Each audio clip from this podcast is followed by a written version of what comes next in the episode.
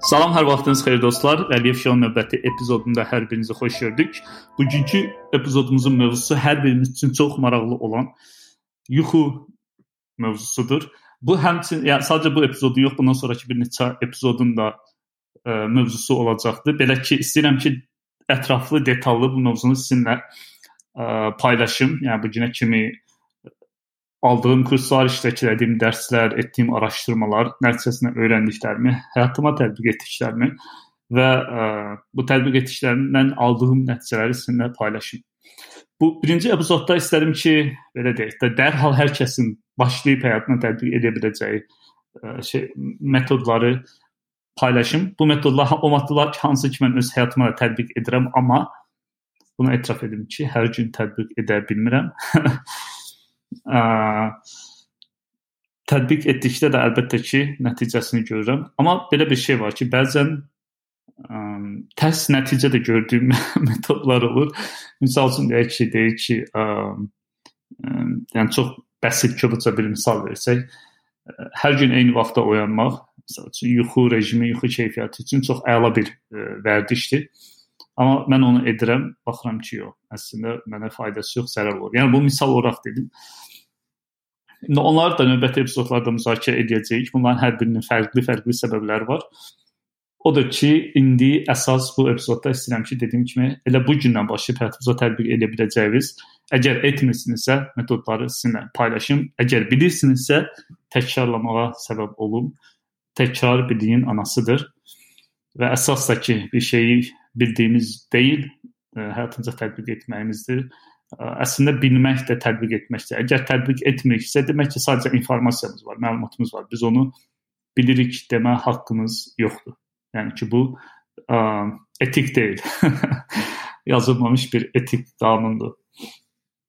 Okay, birincisi yuxumuzun ə, məşhur sualıdır. Neçə saat yatmaq lazımdır? Deyir 6 saat, deyir 7, 8, 9 Hə, yəni 9-dan o tərəfə deyən yoxdur. Ən, ən çox deyilən təklif olunan 9-dur. Amma bu yuxu saatı da hər insandan insana görə dəyişir. Məsəl üçün insanlar var ki, bioloji olaraq, genetik olaraq, yəni onlar necə deyim, o cür ə, wire olunublar ki, o insanlar 5 saat, 6 saat yatsalar belə gün ərzində çox gümrah olurlar.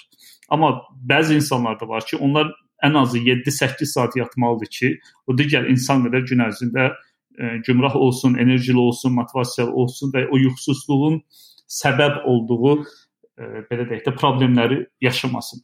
Yəni bu tamamilə birinci yuxu, yuxu və saat mövzusunda birinci eləməli olduğumuz ən önəmli şey özümüzə laboratoriya olaraq bir növ baxmaqdır. Özümüzə özümüz ə, e, belə deyək də həyatımıza laboratoriya kimi, həyatımız laboratoriyadır, biz isə elm adamıdır. Yəni özümüzü özümüz araşdırıb oxumalıyıq və bunun bizim üçün neçə saatın yetərli olduğunu özümüz qərar verməliyik.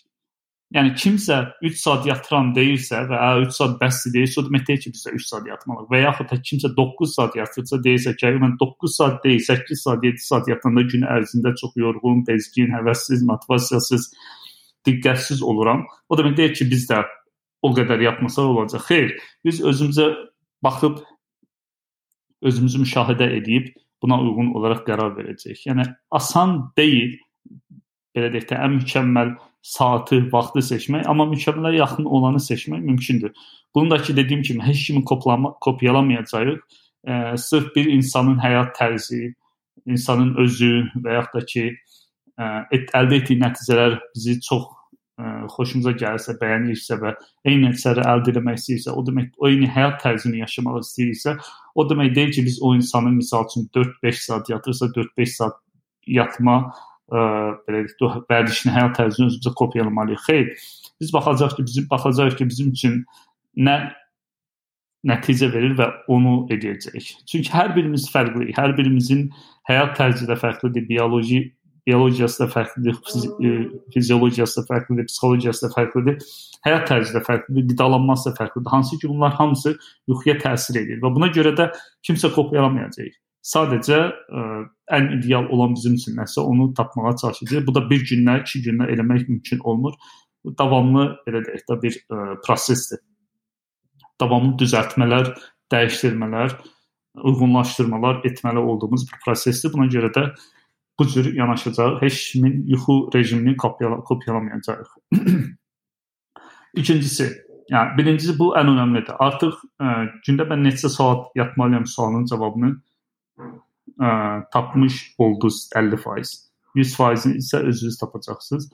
Ə, amma ümumi ümumi olan belə deyim də ki, ümumi istisnalar istisnalar onlardır ki, 5 saat, 4 saatla çox əla belə 4 4 saat 5 saat yat, yuxu yatıb, sonra gün ərzində çox əla performansı olan, ə, heç bir yuxusuzluğun səbəb olduğu heç bir simptomları özündə yaşamayan insanlar var ki, onlar hansı ki ə, fərqlidir, onlar istisnadır. Əgər elə insanlardasınızsa, sizə əla, yəni bu çox böyük bir avantajdır, amma o halda ki, əsas olan bir də ki, əsas olan nə qədər az yatdığımız və neçə saat oyaq olduğumuz deyil. Əsas olan odur ki, oyaq olduğumuz saatlarda biz nə edirik?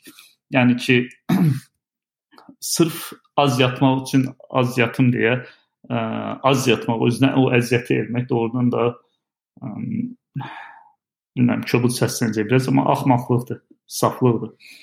Buna görə də əsas ə, yatarkən neçə saat belə deyək, yatdığımız deyil, əsas olarkən əsas odur ki, oyaq olarkən biz nə edirik? Əgər boş-boş vaxtımızı keçir, keçiririksə 5 saat yatmaqdansa 8 saat yatmaq daha yaxşıdır. Ən azından ə, yuxu yuxusuzluğun gətirdiyi psixoloji səbəb ə, problemləri, sonra xəstəliklər yaşamamış olarıq. Buna görə də üzr istəyirəm. Heç kimi heç kimi kopyalamayacaq özümüzə. Amma ə, e, bunu deyəcəkdim. Yəni ki, ən çox təklif olunan yuxu saatları arasında 6, 7, 8 saatdır və ə, e, məncə başlamaq üçün ən yaxşısı olar ki, ə, e, özümüzü yoxlamaq üçün minimum olaraq 6 saat seçək. Yəni 6 saatdan az yatmağa yatmayaq. Yəni 6 saat minimum olsun və yaxud da ki 7 saat və yaxud da 8 saat. Bunu artıq bir neçə gün özümüzdə elədikdən sonra qərar verə bilərik ki, mənə neçə saat yuxu yatmaq kifayət edir. Amma 6-dan az olması əsla məsləhət deyil. Mən özüm tələbə vaxtı 4 saat yuxu rejiminə keçmişdim və çox qısa müddət sonra çox mənfi təsirlərini gördüm və heç də effektiv deyildi. Bunu da necə eləmişdim? Çox həyat tərzini bəyəndiyim bir neçə məşhur ə, lideri, ə, şəxsiyyəti sırf 4 saat yatır deyə mən də 4 saat yatmağa çalışmışdım. Çünki çox kitab oxumaq istirdim, çox araşdırma eləmək istirdim, çox işləmək istirdim, çox uğurlu olmaq istirdim, amma baxdım ki, işə yaramadı. Buna əlavə, ikincisi yenə ə, bayaq dediyim kimi neçə saat oyaq qaldığımız önəmli deyil, neçə, o oyaq qaldığımız saatlarda nə etdiyimiz önəmlidir və bənzər olaraq bir də neçə saat yatdığımızdan çox necə yatdığımız önəmlidir. Və məhz bu epizodun da mövzusu budur. Yəni bir də əsas deyil ki, 6 saat yatdıq, 7 saat yatdıq, 8 saat yatdıq. Əsas olan odur ki, biz necə necə yatdıq. Yəni ki, yatdığımız, yuxuya ayırdığımız saatlardan maksimum nəticə almaq üçün yuxu öncəsindəki və yuxu sonrasında daha doğrusu yatmadığımız saatlarda etdiklərimiz çox təsir edir. Məsəl üçün mənim sırf daha yaxşı yata bilim deyə özümə tətbiq elədiyim dissiplinlər vərdişlər var. Hansı ki, bunlar mənim üçün bəziləri həddindən artıq çox çətindir, amma o fədakarlığı belə deyim də çox şükür ki, artıq edə bilirəm və mənim üçün əvvəlki müqayisə, müqayisədə daha asan. Məsələn, onun bir misal verim. Məsəl üçün kofe. Kofedən də daha belə deyək, dəqiq bir misal versək, Starbucks. Starbucks kofesi mənim ə, belə deyək də aludəçilik dərəcəsində çox bəyənirəm, çox xoşuma gəlir və hətta belə deyim ki, bir neçə gün ard-arda Starbucks-da mən kofe içməyəndə sanki bir şey çatışmır kimi hiss edirəm. Və mən bunu bəzən səhər səhərlər içə bilməyəndə, məsəl üçün axşam içirdim və yaxud da ki, axşam saat gün orta gün ortadan sonra məsəl üçün 4-də, 5-də, 6-da, 7-də, 8-də bu saatlarda içirdim. Və kofeinin belə deyil. Bir də bəzi insanlar var ki, bunu da deyim Yəni bu mövzu o istisnalarla doldu. Ona görə belə istisnaları çox edəcəm. Məsəl üçün bəzi insanlar var ki, mənim şəxsən tanıdığım insanlar var ki, deyir ki, mən saat 10-da 11-də kofe içib 1 saat, 2 saat sonra rahat yata bilərəm. Yəni bunu edə bilən insanlar var. Amma burada da yenə bir şey var. Əsas önəmli olan o demək deyil ki, sən kofe içdin, hə, yuxuya gedə bildin. Əsas odur ki, kofe bədəndən minimum 6 saatda belə deyək də o kofein ə, e, qandan çıxır, bədəndən təmizlənir. Əgər siz ə, e, mən belə bir qayda özümə qəbul elədim ki, ən gec mənim kofe içəcəyim saat saat 2 olacaqdı. nadir hallarda saat 3 olacaqdır. Yəni 3-dən sonra mən əsla kofe içmirəm. Bəzən çox nadir, çox az hallarda həftə sonu. O da bazar günü yox, 6-cı gün. Çünki ə, bazar günü belə deyək də tam yuxu saatımı, tam günümü öz istədiyimə görə ə, planlaşdıra bilirəm. Amma bazar günü və digər həftənin bütün 5 günü bunların heç birini edə bilmirəm. Sadəcə 6-cı gün istisnadır, amma onu da etmirəm. Yəni çox nadir hallarda. Yəni bu mənim üçün çox çətin bir disiplin idi ki, günortadan sonra kofe içməmək. Məsəl üçün ən çox içmək istədiyim saatlar 2, 3, 4, 5, bəzən 6, amma 2, 3, 4, 5 mənim üçün ən çox belə də kofe içməyi ən çox istədiyim, ən çox xoşuma gələn saatlar idi və bu 6 saat qədər, bunu 10 saat da deyənlər var, 8 saat da deyənlər var. Yəni kafenin tam o kofeinin tam bədəndən çıxıb yuxuya, yəni bədənə çıxması, çıxmaması nədir? Ə, odur ki, əgər hər tam təmizlənməyibsə, tam bədəndən çıxmayıbsa, siz 10 saat yatsanız belə o yuxunun keyfiyyətinə təsir edir və tam keyfiyyətli yuxu almış olmuruq. Buna görə də 8, 9, 10 saat yatıb yenə də deyə bilərsiniz ki, bu qədər yatdım mənə kifayət eləmir. Demək ki, məsəl üçün çox yatmalıyam və s. və axır, yəni ki, bu yanlış şeylərə nəticələr gələ bilərsiniz. Hansı ki, ə, doğrudan da çox təhlükəlidir. Çox, yəni təhlükəlidir o mənada ki, düşünün ki, inanırsınız ki, qəbul edirsiniz ki, 10 saat yatsaz belə yenə də tam istədiyiniz yuxu keyfiyyətini almırsınız. Ona görə düşünə bilərsiniz ki, 8 saat yatsan tamamilə bərbad olar, tamamilə pis olar. Yəni bu çox ə, belə deyək də təhlükəli bir ə, inancdır, təhlükəli bir ə, yanaşmadır ki, 8 saat, 10 saat, yəni arada 2 saat fərq var həftənin 7 günü bu 14 saat edir. Yəni az vaxt deyil. Və bunun ümumiyyətlə ə, e, belə deyək də plasebo təsiri gün ərzində sizə ə, e, performansınıza edəcəyi təsiri də düşünəndə, hesablayanda fəsadları həddindən artıq çoxdur, kifayət qədər çoxdur. Buna görə də birincisi əgər kofe içməyi sevirsinizsə ə, e, və belə deyim də o istisna insanlardan deyilsinizsə, hansılar ki, kofe içir, axşam saatlarında belə içir, amma səhər 6-da, 7-də oyanır, rahat gününə, həyatına davam edir. Əgər o istisnai insanlardan deyilsinizsə, onda xoşunuza gəlməsə belə ki, bizi həyatımızı yaxşı dəyişdirən şeylər adətən ilk başda etməyib, xoşlamadığımız, xoşunuza gəlməyən, bəyənməyən, bəyənmədiyimiz və bizə və bizə çətin gələn şeylərdir. Onları həyatımıza tətbiq etmək ki, bunlardan biri də odur. Ə, yuxuya gedəcəyimiz saatdan ən azı minimum 6 saat əvvəl o gün o günün son kofesini qəbul etmək, içməkdir. Bu birincisidir. İkincisi, ə, yatarkən yatdığımız otaq necədir? Birincisi səs-küy olmayacaq. Bu bəzən belə deyim də bizim təsir dairəmiz, kontrolumuz ə, xaricində ola bilər. Olduğumuz yer, yaşadığımız ev və yaxud da ki, evimizin olduğu şəhərin o hissəsi ətrafda tikinti ola bilər, yola yaxın ola bilər, çox məşğul bir ə, çox hərəkətli bir ə, hissə şəhərin hissəsində ola bilər. Yəni fərqli səbəblərdən bizim heç cürə dəyişdə bilməyəcəyimiz səbəblərdən, təsir bilməyəcəyimiz səbəblərdən səs-küylü bir yer ola bilər. Bu da yenə ə, baxmayaraq neçə saat yatmağımızdan asılı olmayaraq yuxu keyfiyyətimizə mənfi təsir edir. Bunun da çarəsi odur ki, ə, İngiliscədə earplug deyilən şeylər var. Azərbaycanca tərcüməsini bilmirəm. Nədir? Tənbəllik ilə etmişəm ki, elə baxardım podkasta başlamadan öncə. Yəni ki, qısacası qulağa taxırsınız və ki məndə də var, bəzən istifadə edirəm, hər gün etmirəm düzdür. Bəzən istifadə edirəm və kənardan gələn səsləri minimuma endirir. Bundan istifadə edə bilərsiniz. Üçüncüsü qaranlıq. Yəni nə, nə qədər işıq varsa, bu da yenə bu yatdığımız yuxu e, neçə saat yatmağımızdan asılı olmayaraq yenə bu da yuxu keyfiyyətimizə mənfi təsir edir çünki beyni aktiv saxlayır, e, gözlərimiz bağlı olur, biz yatırıq, e, amma beynimiz aktiv olur və buna görə də maksimum nəticə ala bilmirik. Bu bunlar bunlara bunlara belə deyim, əməl etmədikdən sonra neçə saat yatırıq, bunun heç bir əhəmiyyəti yoxdur. Çünki istədiyimiz nəticəni, maksimum nəticəni ya da ki, ən optimal nəticəni əldə edə bilməyəcəyik.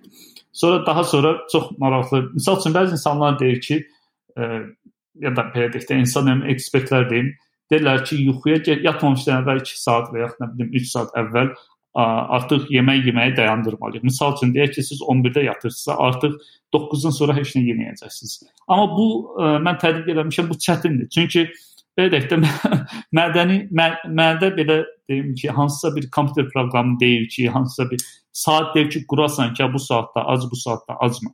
Bəzən olur ki, gözləmədiyimiz vaxtda, məsələn, tam yuxuya gedəcəyimiz anda və yaxud da ki, biraz əvvəl acmaya başlayırıq. Yəni bu bizim tamamilə kontrolumuz xaricində olan bir şeydir. Ona görə də sırf hələ yeni başlayanlar üçün bu 2 saat qanunu tətbiq eləmək ə, bilmirəm, mənim öz təcrübəmdə ə, çox da ə, məsləhəti olmayıbdı. Daha yaxşı digər bir yanaşma var, mən bəyəndim. O da budur ki, nə çox tox olmayın, nə də çox ac olmayın. Yəni yuxuya gedərkən. Məncə qızıl qayda budur, ən yaxşısı budur. Ə, növbəti paylaşmaq istədiyim də bu idi. Yəni ki, yuxuya gedərkən nə çox tox olmayacağıq, nə də ki, çox ac olmayacağıq. Və sonuncusu, telefonlarımız və ə, laptop, televizor da bura daxildir əslində. Ə, yəni minimum ən azı 30 dəqiqə ə, əvvəlcədən artıq bunları tamamilə söndürürük və bir daha baxmırıq.